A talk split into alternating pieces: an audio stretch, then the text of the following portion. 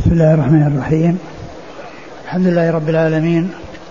وصلى الله وسلم وبارك على عبده ورسوله نبينا محمد وعلى آله وأصحابه أجمعين. أما بعد فالحديث الثالث عشر من أحاديث الأربعين للإمام النووي من الأحاديث الأربعين للإمام النووي رحمه الله عن أبي حمزة أنس بن مالك خادم رسول الله صلى الله عليه وسلم قال سمعت رسول الله صلى الله عليه وسلم يقول لا يؤمن أحدكم حتى يحب لأخيه ما يحب لنفسه رواه البخاري ومسلم. هذا الحديث حديث عظيم. بين فيه النبي الكريم صلى الله عليه وسلم أن من كمال الإيمان في المؤمن من كمال الإيمان في المؤمن والمسلم أن يكون محبا لأخيه ما يحب لنفسه وأن يكره له ما يكره لها فيكون حريصا على الخير لنفسه وعليه لغيره. فلا يكون آه، شأنه ما يتعلق بنفسه فقط وأما غيره فلا يهمه شأنه ولا يرعيه اهتماما بل عليه أن يكون محبا الخير لنفسه وأن يكون محبا الغير الخير لغيره كما يحبه لنفسه وكذلك يكون في ما يقابل ذلك من الكراهة فكما أنه يكره لنفسه ما يكره فكذلك عليه أن يكره لغيره ما يكره لنفسه. والنفي في قوله صلى الله عليه وسلم لا يؤمن أحدكم نفي كمال الإيمان. وفي هذا دليل على أن الناس يتفاوتون في الإيمان. وأن الإيمان يزيد وينقص وأن الناس فيه متفاوتون وقد جاءت الآيات الكثيرة والأحاديث الكثيرة في ذلك أيضا قد جاءت في ذلك الآيات والأحاديث الدالة على أن الإيمان يزيد وينقص وأن الناس يتفاوتون في الإيمان فمنهم من يكون آه، متصفا بالكمال ومنهم من يكون دون ذلك فهم متفاوتون وهذا الحديث فيه نفي الكمال عن من لا يحب لأخيه ما يحب لنفسه وأن وأنه يحصل له كمال الإيمان أو من كمال الإيمان في حقه أن يحب لغيره ما يحب لنفسه. وقوله لأخيه قيل إن المراد بذلك أخوة الإسلام وأخوة الإيمان وأن هذا هو المقصود. وذلك أن المسلم للمسلم كالبنيان يشده بعضه بعضا وأن مثل المسلمين في توادهم وتراحمهم كمثل الجسد الواحد إذا اشتكى منه عضو تداعى له سائر الجسد بالحمى والسهر وعلى هذا فيكون ذكر ذكر الأخوة هنا المراد بها الإسلام وفي التنصيص على ذكر الأخوة آه، ما يشعر باستعطاف الإنسان بالمطلوب من الإنسان أن يعطف على أخيه وأن يحرص على فائدة أخيه وأن يحب لأخيه ما يحب لنفسه. فإن التنصيص على الأخوة هنا وقوله يعني يحب لأخيه فيه زيادة ما يشعر بالاهتمام وأن الإنسان يعطف على أخيه ويحرص على نفع أخيه. وهو يختلف عما لو قال لا يؤمن أحدكم حتى يحب للمؤمن ما يحب لنفسه لأن التعبير بالأخوة هنا فيه إفادة هذا المعنى. ومن العلماء من قال إن الأخوة هنا الأخوة العامة التي هي أخوة النسب البعيد العالي وذلك أن ويدخل في ذلك الكفار. لأنهم أخوة في النسب من جهة أن أن أبو الجميع آدم عليه الصلاة والسلام ثم نوح ثم إبراهيم و فيكون المقصود بالعم الأخوة ما هو أعم من الأخوة الأخوة في الإسلام. ويكون المقصود من ذلك أنه يحب يحب لأخيه يعني في ليس في الإسلام وإنما هو في النسب العالي البعيد يحب له الهداية والاستقامة وأن يحرص على وأن يحرص على أو يحب أن يكون اهتدى كما اهتدى وأن تحصل الهداية للكافر كما حصلت الهداية له فتكون الأخوة هنا أعم. وقد جاء في القرآن إطلاق الأخوة بهذا المعنى كما قال الله عز وجل كذبت قوم نوح المرسلين إذ قال لهم أخوهم نوح ألا تتقون؟ فإن هذه أخوة نسب وليست أخوة إيمان. وكذلك جاء في حق آه، رسول الله عز وجل مثل آه، آه، هود وصالح وشعيب. يعني جاء جاء ذكر ذكر الأخوة وهي بمعنى أخوة النسب وليست أخوة الإيمان. والغالب أن النصوص مثل هذا إنما يقصد بها الأخوة الإسلامية أخوة الإيمان التي يكون التعاطف ويكون التواد ويكون التراحم ويكون التواصل ويكون الألف والمحبة آه، تكون بينهم بسبب أخوة الإسلام. نعم لا شك أن الإنسان يحب لغيره من آه، من الكفار الهداية ويدعو للكافر بالهداية ويسأل الله عز وجل له الهداية ولكن ما جاء آه، في مثل هذا النص الغالب أن يكون المراد به هو الأخ المسلم. ولهذا جاء في الحديث المسلم أخو المسلم المسلم أخو المسلم لا يظلمه ولا يحقره ولا يخذله إلى آخره. فيأتي بذكر الأخوة بين المسلمين لقوة الترابط ولقوة الصلة يعني بينهم. لا يؤمن أحدكم حتى يحب لأخيه ما يحب لنفسه أي وكذلك أيضا يكره له ما يكره لها. و ويدخل تحت ذلك كون الإنسان يحب أن يعامل معاملة طيبة فكذلك عليه أن يعامل غيره معاملة طيبة. يعامل الناس بمثل ما يحب أن يعاملوه به. يعني مما يدخل تحت معنى هذا الحديث أن الإنسان يعامل الناس بمثل ما يحب أن يعاملوه به. فكما أنه يحب أن يعامل معاملة طيبة فعليه أن يعامل غيره معاملة طيبة.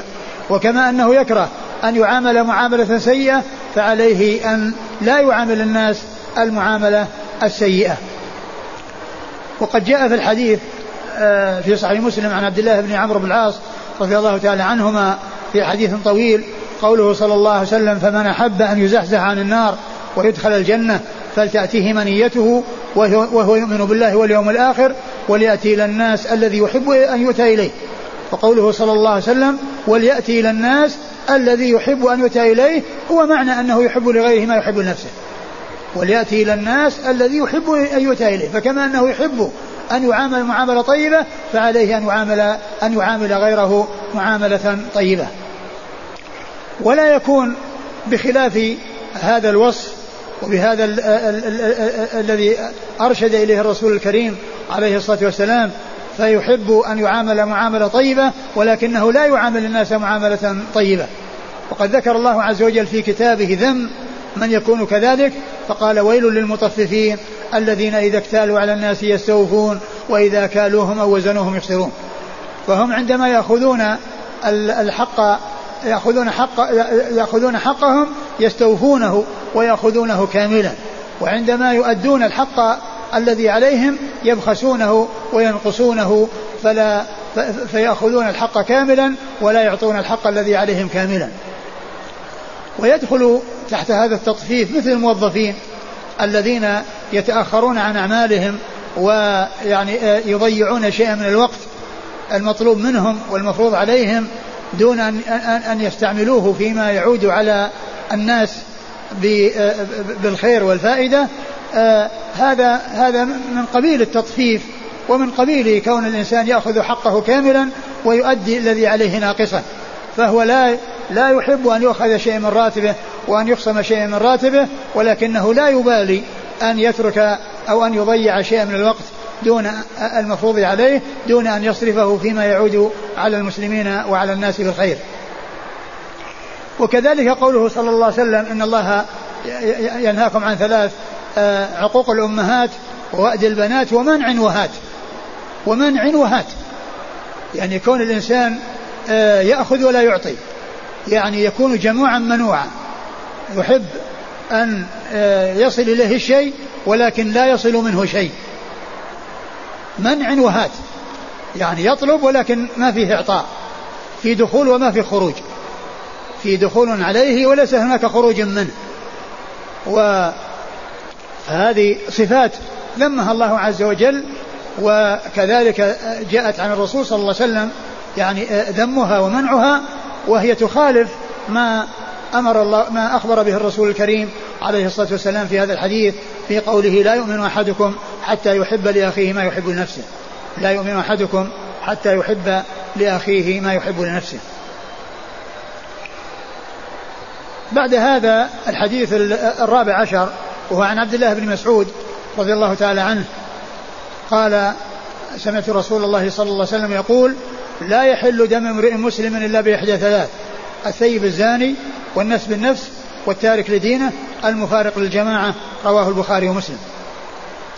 فهذا الحديث يدل على عصمة آه، دم المسلم وأنه معصوم الدم وأنه لا يجوز أن آه، تتلف نفسه وأن يقتل إلا بواحدة من هذه الأمور الثلاثة التي جاءت في هذا الحديث وهي الثيب الزاني والثيب هو الذي تزوج عقد الزواج وحصل منه النكاح وتمتع وذاق هذه اللذة ثم بعد ذلك حصل منه الزنا. فإنه يكون بذلك محصنا فيكون حكمه الرجم. ولو كان حين الزنا ليس عنده زوجة ليس يعني من شرط ذلك أن يكون الزواج مستمر وأن يكون موجودا في حال الزنا بل يكفي أن يكون قد تزوج وأن ذاق وأن يكون ذاق ذلك بطريق مشروع بهذا الطريق الذي هو الزواج. وثم بعد ذلك آه، ماتت المرأة أو طلقها وبقي بدون امرأة ثم حصل منه الزنا والعياذ بالله فإنه يكون بذلك فإنه محصن بكونه تمتع التمتع المشروع بعقد النكاح. ويكون حكمه الرجم. وهو الرجم بالحجارة حتى يموت. هو الرجم بالحجارة حتى يموت. و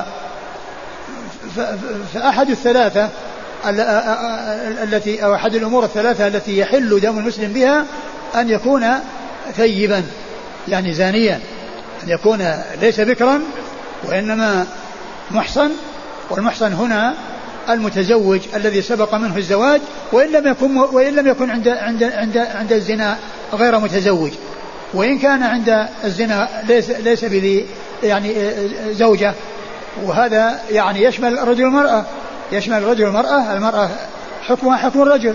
وكما عرفنا الأصل هو التساوي بين الرجال والنساء في الأحكام إلا أن يأتي دليل يخص الرجال دون النساء أو النساء دون الرجال فعند ذلك يصار إلى التفريق وحيث لا تفريق ولا تمييز بين الرجال والنساء فإن الأصل هو التساوي. وإذا فقولها الثيب الزاني يشمل الذكر والأنثى. يشمل الذكر والأنثى كل ما كان محصنا فحده الرجم. وقد رجم النبي صلى الله عليه وسلم ماعزا ورجم الغامدية. و والرجم آه، يكون بالحجارة حتى الموت. وقيل من آه، من آه، يعني حكمة كونه يعني حكمه الرجم أن أن اللذة لما كانت يعني حصلت للجسم جميعا فإن العقوبة توجه إلى الجسم جميعا وذلك بأن يرمى بالحجارة من جميع الجوانب يعني وحتى حتى الموت وحتى يموت. فإذا هذه هي هذه الحالة الأولى أو الأمر الأول من الأمور التي يكون بها عدم عصمة أو خروج الدم أو خروج النفس من كونها معصومة إلى أن كونها مستحقة للقتل والإتلاف والأمر الثاني النفس بالنفس النفس بالنفس. والمقصود من ذلك القصاص. يعني كل إنسان الذي قتل الذي قتل غيره عمدا فإنه يقتص منه بأن يقتل القاتل حيث توفرت شروط القصاص. حيث توفرت شروط القصاص فإنه يقتص من القاتل فكما أنه آه، أزهق نفس غيره فإن إزهاق نفسه تكون بأن فإن حكمه بأن تزهق نفسه بأن تزهق نفسه كما أزهق نفس غيره ويكون ذلك قصاصا. والله عز وجل قال في كتاب العزيز يا أيها الذين كتب عليكم القصاص في القتلى الحر بالحر والعبد بالعبد والأنثى بالأنثى. ثم قال بعد ذلك ولكم في القصاص حياة. يا أولي الألباب لعلكم تتقون. لكم في القصاص حياة. يا أولي الألباب لعلكم تتقون. أي أن هذا فيه من أسباب إبقاء الإنسان على نفسه وعلى نفس غيره إذا علم بأنه إذا قتل سيقتل فإنه يكف عن القتل ويمتنع من القتل حتى لا يؤدي قتله لغيره إلى أن يقتل هو قصاصا. وقد جاء هنا التعبير بالقصاص لأن المراد بها أن هذا القتل قصاصا نفس بنفس يعني نفس بدل نفس. فكما قتل قتل وكما أزهق نفسه نفس غيره أزهقت نفسه. وهذه الجملة وهي في هذه الآية ولكم في القصاص حياة. يعني جملة وجيزة يعني بليغة يعني آه، في غاية الفصاحة والبلاغة. وهناك كلمة آه، يعني عند العرب مشهورة في آه، في آه، الكلام المختصر بمعنى هذه الجملة ولكنها تختلف عنها وهي قولهم القتل أمثال القتل القتل أمثال القتل. ولكن هذه الجملة التي جاءت في القرآن آه، في غاية الفصاحة والبلاغة. وأما تلك العبارة التي جاءت عن العرب والتي يذكرها علماء البلاغة أنها من الكلام الجامع فإنها لم تسلم من الخلل اللفظي ولا من الخلل المعنوي. وذلك من جهة اللفظ أن قولها القتل أنفال القتل فيه تكرار مع أنه كلام وجيز مكون من ثلاث كلمات واحدة مكررة. فهذا خلل يعني من حيث اللفظ. والخلل من حيث المعنى أنه ليس كل قتل يكون أنفال القتل بل من القتل ما يكون سببا للقتل. وكثيرا من الحروب والقتال الذي جرى بين العرب وبين غير يعني في الجاهلية وفي الإسلام سببه قتيل واحد. يقتل ف فتنشأ الحروب بسبب القتل. فإذا ليس كل قتل يكون أمثال القتل ولكن الآية الكريمة عبرت بالقصاص وجاء التعبير بالقصاص. الذي الدال على أن القتل هو هذا النوع من القتل هو الذي يكون فيه الحياة ويكون فيه الإبقاء على النفوس ولكم في القصاص حياة. فمن يريد القتل ومن يفكر في القتل إذا فكر بأنه سيقتل يكف عن قتل غيره ليسلم من القتل فيكون بذلك أبقى على نفسه وعلى نفس غيره من أن يحصل القتل له ولغيره. والنفس بالنفس. وهذا يعني في التكافؤ. وقد جاء يعني أن أن أن أن, أن في القرآن الحر بالحر والعبد بالعبد والأنثى بالأنثى. وقد اختلف يعني آه، في بعض المسائل التي لا يكون فيها التكافؤ كقتل الحر بالعبد وقتل المسلم بالكافر وقتل آه، وأما قتل الرجل بالمرأة فهذا متفق عليه. الرجل يقتل بالمرأة والمرأة تقتل بالرجل. ولكن من ناحية الدية بينهما فرق بين الرجل والمرأة. المرأة نصف على نصف من الرجل في الدية و وأما في القتل فإنها فإنه يقتل بها وتقتل به. فإنه يقتل بها وتقتل به. والنفس بالنفس والتارك لدينه المفارق للجماعة. التارك لدينه يعني المرتد عن الإسلام والعياذ بالله. الذي دخل في الإسلام ثم خرج منه. فيكون مرتدا. ويختلف عن الكافر الأصلي. بل فإن من من ارتد عن الإسلام ليس أمامه إلا أن يرجع إلى الإسلام وإلا القتل لقوله صلى الله عليه وسلم من بدل دينه فاقتلوه. من بدل دينه فاقتلوه. وذلك لأنه دخل في الإسلام وذاق يعني حلاوته وصار من أهله فإذا خرج منه رغبة عنه فإنه لا يبقى بل إما أن يرجع الإسلام وإما أن يقتل بخلاف الكافر الأصلي. إذا كان معاهدا أو مستأمنا فإنه يبقى على عهده وأمانه. وكذلك الكفار إذا دفعوا الجزية وصاروا تحت حكم الإسلام فإنهم يبقون على ما هم عليه. ولكن من كان مسلما ثم رجع إلى الكفر والعياذ بالله فإنه ليس أمامه إلا أن يرجع إلى الإسلام ويتوب وإلا القتل لقوله صلى الله عليه وسلم من بدل دينه فاقتلوه. وذلك يشمل الرجل والأنثى يشمل الذكر والأنثى. من بدل دينه فاقتلوه. يعني ذلك عام للذكر والأنثى. وقوله المفارق للجماعة هو توضيح يعني لقوله التارك لدينه لأنه خرج عن جماعة المسلمين بخروجه عن دينهم. كان من أهل دينهم ثم إنه كفر وارتد عن الإسلام والعياذ بالله وفارق جماعة المسلمين فلم يكن منهم. فليس أمامه إلا الرجوع إلى أن يكون منهم وإلا فإنه يقتل لقوله صلى الله عليه وسلم من بدل دينه فاقتلوه. هذه هي الأمور الثلاثة التي جاءت في هذا الحديث والتي قال فيها الرسول الكريم صلى الله عليه وسلم لا يحل دم امرئ مسلم إلا بإحدى ثلاث الثيب الزاني والنفس بالنفس والتارك لدينه المفارق للجماعة. وقد جاء يعني نصوص آه يعني آه في قتل أناس يعني غير هؤلاء الثلاثة فما صح وما ثبت فإنه يقتل به ومنها ما يمكن أن يكون راجعا إلى هذه الأمور الثلاثة مثل السحر مثل السحر فإنه إذا كان كفرا فإنه يكون داخل تحت آه، القسم الثالث من هذه الأقسام الثلاثة. وقد جاء يعني آه، أحاديث وفي آه، في أناس يعني يقتلون وهم غير هؤلاء الموجودين مثل اللواط مثل القتل باللواط.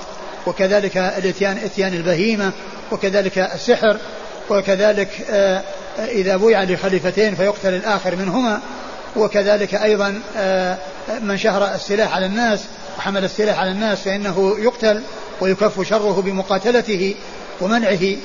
وكذلك أحاديث أخرى أو مواضع أخرى جاءت أوردها الحافظ بن رجب رحمه الله في شرحه وهي والذي أورده منها عشرة. والذي أورده من عشرة وكذلك قتل قتل آه، شارب الخمر في المرة الثالثة وقتل السارق في المرة الخامسة وذكر عشرة يعني مواضع أو عشرة عشرة عشرة عشرة, عشر أحوال آه، آه، جاء فيها ذكر القتل ويعني في ذلك خلاف بين أهل العلم ولكنها تضاف يعني إلى أو ما ثبت منها فإنه يضاف إلى هذه الأمور الثلاثة التي جاءت عن رسول الله صلى الله عليه وسلم ويكون الحصر فيها يعني من قبيل الحصر الإضافي الذي يعني آآ آآ يعني فيه الإشارة إلى أهميتها وإلى يعني وضوحها وجلائها وأن غيرها يعني يكون آآ مضافا إليها مضافا إليها ما ثبت وصح عن رسول الله صلى الله عليه وسلم فإنه يضاف إلى هذا العدد الذي جاء في هذا الحديث عن رسول الله صلى الله عليه وسلم. لا يحل دم امرئ مسلم إلا بإحدى ثلاث الثيب الزاني والنفس بالنفس والتارك لدينه المفارق للجماعة. والله أعلم وصلى الله وسلم وبارك على عبده ورسوله نبينا محمد وعلى آله وأصحابه أجمعين. شوف الأمور العشرة التي ذكرها آه، ابن رجب. وهي أولها اللواط. ومنها ترك الصلاة. يعني من جملة العشرة. نعم. بسم الله الرحمن الرحيم. أولها اللواط. قال وهو لا ما تقرأ بس يعني شوف الأعداد هذه. اللواط. فمنها في اللواط. أيوة. ومنها في من أتى ذات محرم. أيوة منها من أتى ذات محرم. نعم. ومنها الساحر. ومنها الساحر. ومنها قتل من وقع على بهيمة. نعم. ومنها من ترك الصلاة. نعم. ومنها قتل شارب الخمر في المرة الرابعة. نعم. وقد روي قتل السارق في المرة الخامسة. نعم ومنها ما روي عنه صلى الله عليه وسلم إذا بويع لخليفتين فاقتلوا الآخر منهما. الآخر. ها؟ الآخرة منهما. الآخرة نعم. منهما. ومنه ومنها قوله من أتاكم وأمركم جميع على رجل واحد فأراد أن مثل هذا نعم. ومنها من شهر السلاح. من شهر السلاح نعم. في في عاشر. ومنها قتل الجاسوس المسلم إذا تجسس للكفار على المسلمين. هذه عشرة ذكرها الحافظ الرجب رحمه الله في شرحه لهذا الحديث وهي تضاف إلى الثلاثة الموجودة. والسحر يعني إذا كان كفرا فإنه داخل تحت القتل تحت القسم الثالث الذي هو تارك للدين المفارق للجماعة. بقي واحد قال ومنها ما خرجه أبو داود في المراسيل من رواية ابن المسيب. أن النبي صلى الله عليه وسلم قال من ضرب أباه فاقتلوه. من ضرب؟ أباه فاقتلوه. ثم قال واعلم أن من هذه الأحاديث المذكورة ما لا يصح ولا يعرف به قائل معتبر. كحديث من ضرب أباه فاقتلوه. وحديث قتل السارق في المرة الخامسة. نعم. وباقي النصوص كلها يمكن ردها إلى حديث ابن مسعود. نعم. وذلك أن حديث ابن مسعود يتضمن أنه لا يستباح دم المسلم إلا بإحدى ثلاث بإحدى ثلاث خصال. إما أن يترك دينه ويفارق جماعة المسلمين وإما أن يزني وهو محصن وإما أن يقتل نفسا بغير حق. فيؤخذ منه أن قتل المسلم لا يستباح إلا بأحد ثلاث أنواع. ترك الدين وإراقة الدم المحرم وانتهاك الفرج المحرم. فهذه الأنواع الثلاثة هي التي تبيح دم المسلم دون غيرها. فأما انتهاك الفرج المحرم فقد ذكر فقد ذكر في الحديث أنه الزنا بعد الإحصان. وهذا والله أعلم على وجه المثال. فإن المحصن قد تمت عليه النعمة بنيل هذه الشهوة بالنكاح. فإذا أتاها بعد ذلك من فرج محرم عليه أبيح دمه. وقد ينتفي شرط الإحصان فيخلفه شرط آخر وهو كون الفرج لا يستباح بحال إما مطلقا كاللواط أو في حق الواطئ كمن وطئ ذات محرم بعقد أو غيره. فهذا الوصف قد هل يكون قائما مقام الإحصان؟ وخلفا عنه هذا هو محل النزاع بين العلماء. والأحاديث, والأحاديث دالة على أنه يكون خلفا عنه ويكتفى به في إباحة الدم. وأما سفك الدم الحرام يعني معناه يعني مثل اللواط ومثل هذا يعني يكون بمعنى الزنا. وأما سفك الدم الحرام فهل يقوم مقام إثارة الفتن المؤدية إلى سفك الدماء كتفريق جماعة المسلمين وشق العصا والمبايعة لإمام ثان ود كذا؟ ودل الكفار على عورات المسلمين. هذا هو محل النزاع وقد روي عن عمر ما يدل على إباحة القتل بمثل هذا. وكذلك شهر السلاح لطلب القتل. هل يقوم مقام القتل في إباحة الدم أم لا؟ فابن الزبير وعائشة رأى رأياه قائما مقام القتل الحقيقي في ذلك. وكذلك قطع الطريق بمجرده. هل يبيح القتل أم لا؟ لأنه مظنة لسفك الدماء المحرمة.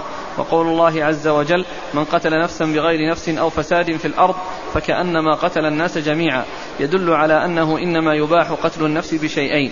أحدهما بالنفس والثاني بالفساد في الأرض ويدخل في الفساد في الأرض الحراب والردة والزنا فإن ذلك كله فساد في الأرض وكذلك تكرر شرب الخمر والإصرار عليه هو مظنة سفك الدماء المحرمة وقد اجتمع الصحابة في عهد عمر على حده ثمانين وجعلوا السكر مظنة الافتراء والقذف الموجبة لجلد الثمانين.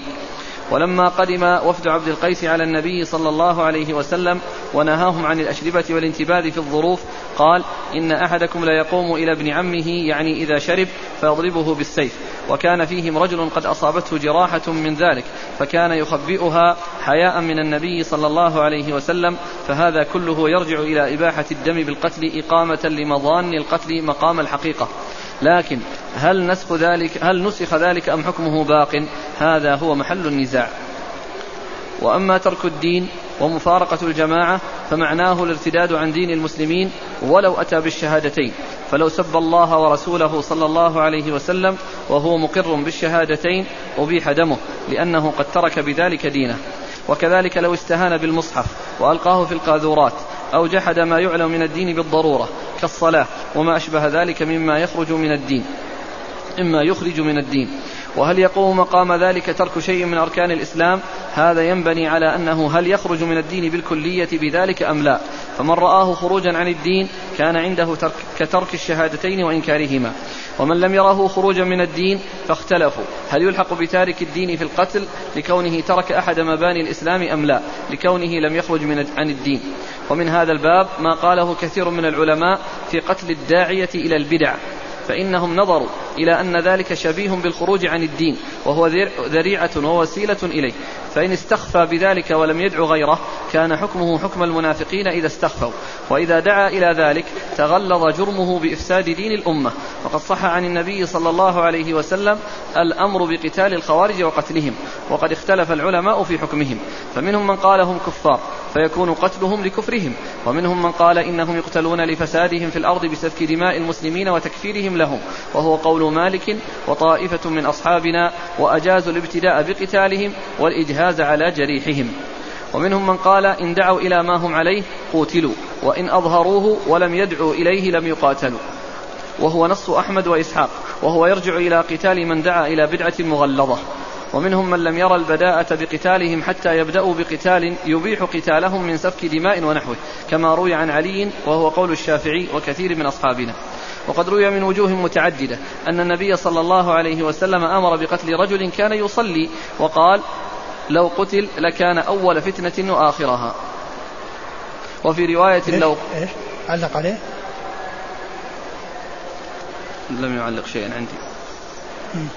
وقد روي من وجوه متعددة أن النبي صلى الله عليه وسلم أمر بقتل رجل كان يصلي وقال لو قتل لكان أول فتنة وآخرها. وفي رواية لو قتل لم يختلف رجلان من أمتي حتى يخرج الدجال خرجه الإمام أحمد رحمه الله وغيره. قال رواه من حديث بريدة الطحاوي في مشكل الآثار. وابن عدي في الكامل ومن طريقه ابن الجوزي في مقدمة الموضوعات وفيه صالح بن حيان القرشي وهو ضعيف. ورواه ابن الجوزي من حديث عبد الله بن الزبير وفي الباب عن عبد الله بن عمرو. قال الهيثمي في المجمع رواه الطبراني في الأوسط وفيه عطاء بن السائب عن رجل من أسلم من أصحاب النبي صلى الله عليه وسلم عند الطبراني في الكبير. قال الهيثمي وفيه أبو حمزة الثمالي وهو ضعيف. فيستدل بهذا على قتل المبتدع إذا كان قتله يكف شره عن المسلمين. ويحسم مادة الفتن. وقد, وقد حكى ابن عبد البر وغيره عن مذهب مالك جواز قتل الداعي إلى البدعة. فرجعت نصوص القتل كلها إلى ما في حديث ابن مسعود بهذا التقرير. ولله الحمد. وكثير من العلماء يقول في كثير من هذه النصوص التي ذكرناها ها هنا إنها منسوخة بحديث ابن مسعود. وفي هذا نظر من وجهين. أستمر.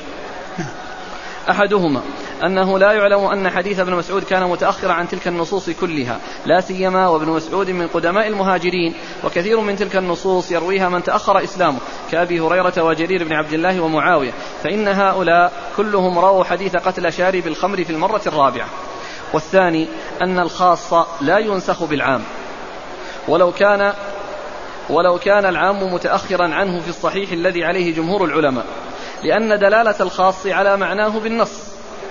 ودلالة العام عليه بالظاهر عند الأكثرين. فلا يبطل الظاهر حكم الخاص. فلا يبطل الظاهر حكم النص. وقد روي أن النبي صلى الله عليه وسلم أمر بقتل رجل كذب عليه في حياته وقال لحي من العرب إن رسول الله صلى الله عليه وسلم أرسلني وأمرني أن أحكم في دمائكم وأموالكم وهذا روي من وجوه متعددة كلها ضعيفة. وفي بعضها أن هذا الرجل كان قد خطب امرأة منه في الجاهلية فأبوا أن يزوجوه وأنه لما قال لهم هذه المقالة صدقوه ونزل على تلك المرأة وحينئذ فهذا الرجل قد زنى ونسب إباحة ذلك إلى النبي صلى الله عليه وسلم وهذا كفر وردة عن الدين. وفي صحيح مسلم أن النبي صلى الله عليه وسلم أمر عليا بقتل القبطي الذي كان يدخل على أم ولده مارية. وكان الناس يتحدثون بذلك فلما وجده علي مجبوبا تركه. وقد حمله بعضهم على أن القبطي لم يكن أسلم بعد وأن المعاهد إذا فعل ما يؤذي المسلمين انتقض عهده. فكيف إذا آذى النبي صلى الله عليه وسلم؟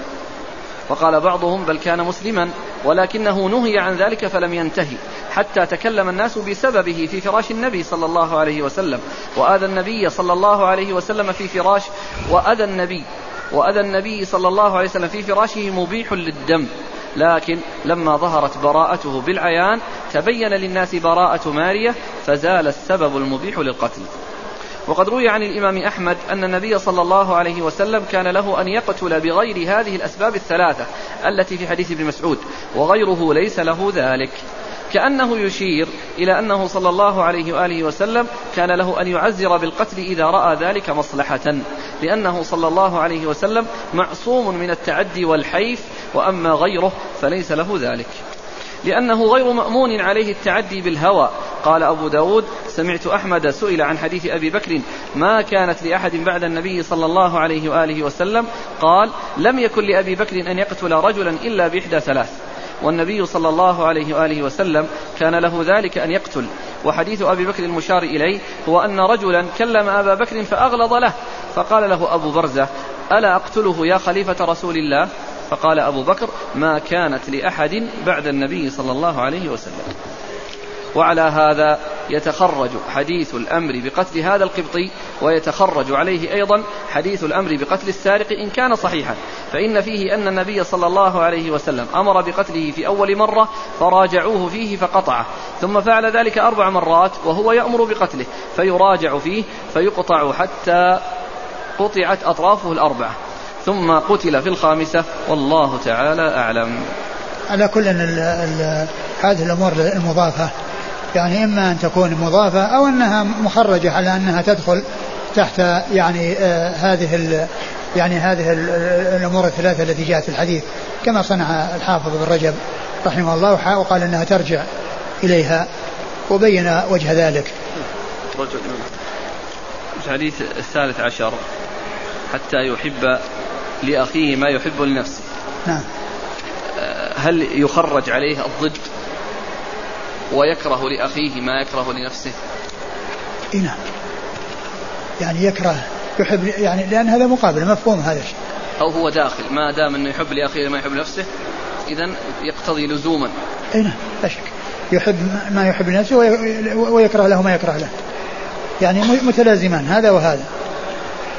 فكما أنه يكره الشر لنفسه يكرهه لغيره. يحب الخير لنفسه يحبه لغيره. والله تعالى أعلم وصلى الله وسلم وبارك على عبده ورسوله نبينا محمد وعلى آله وأصحابه أجمعين.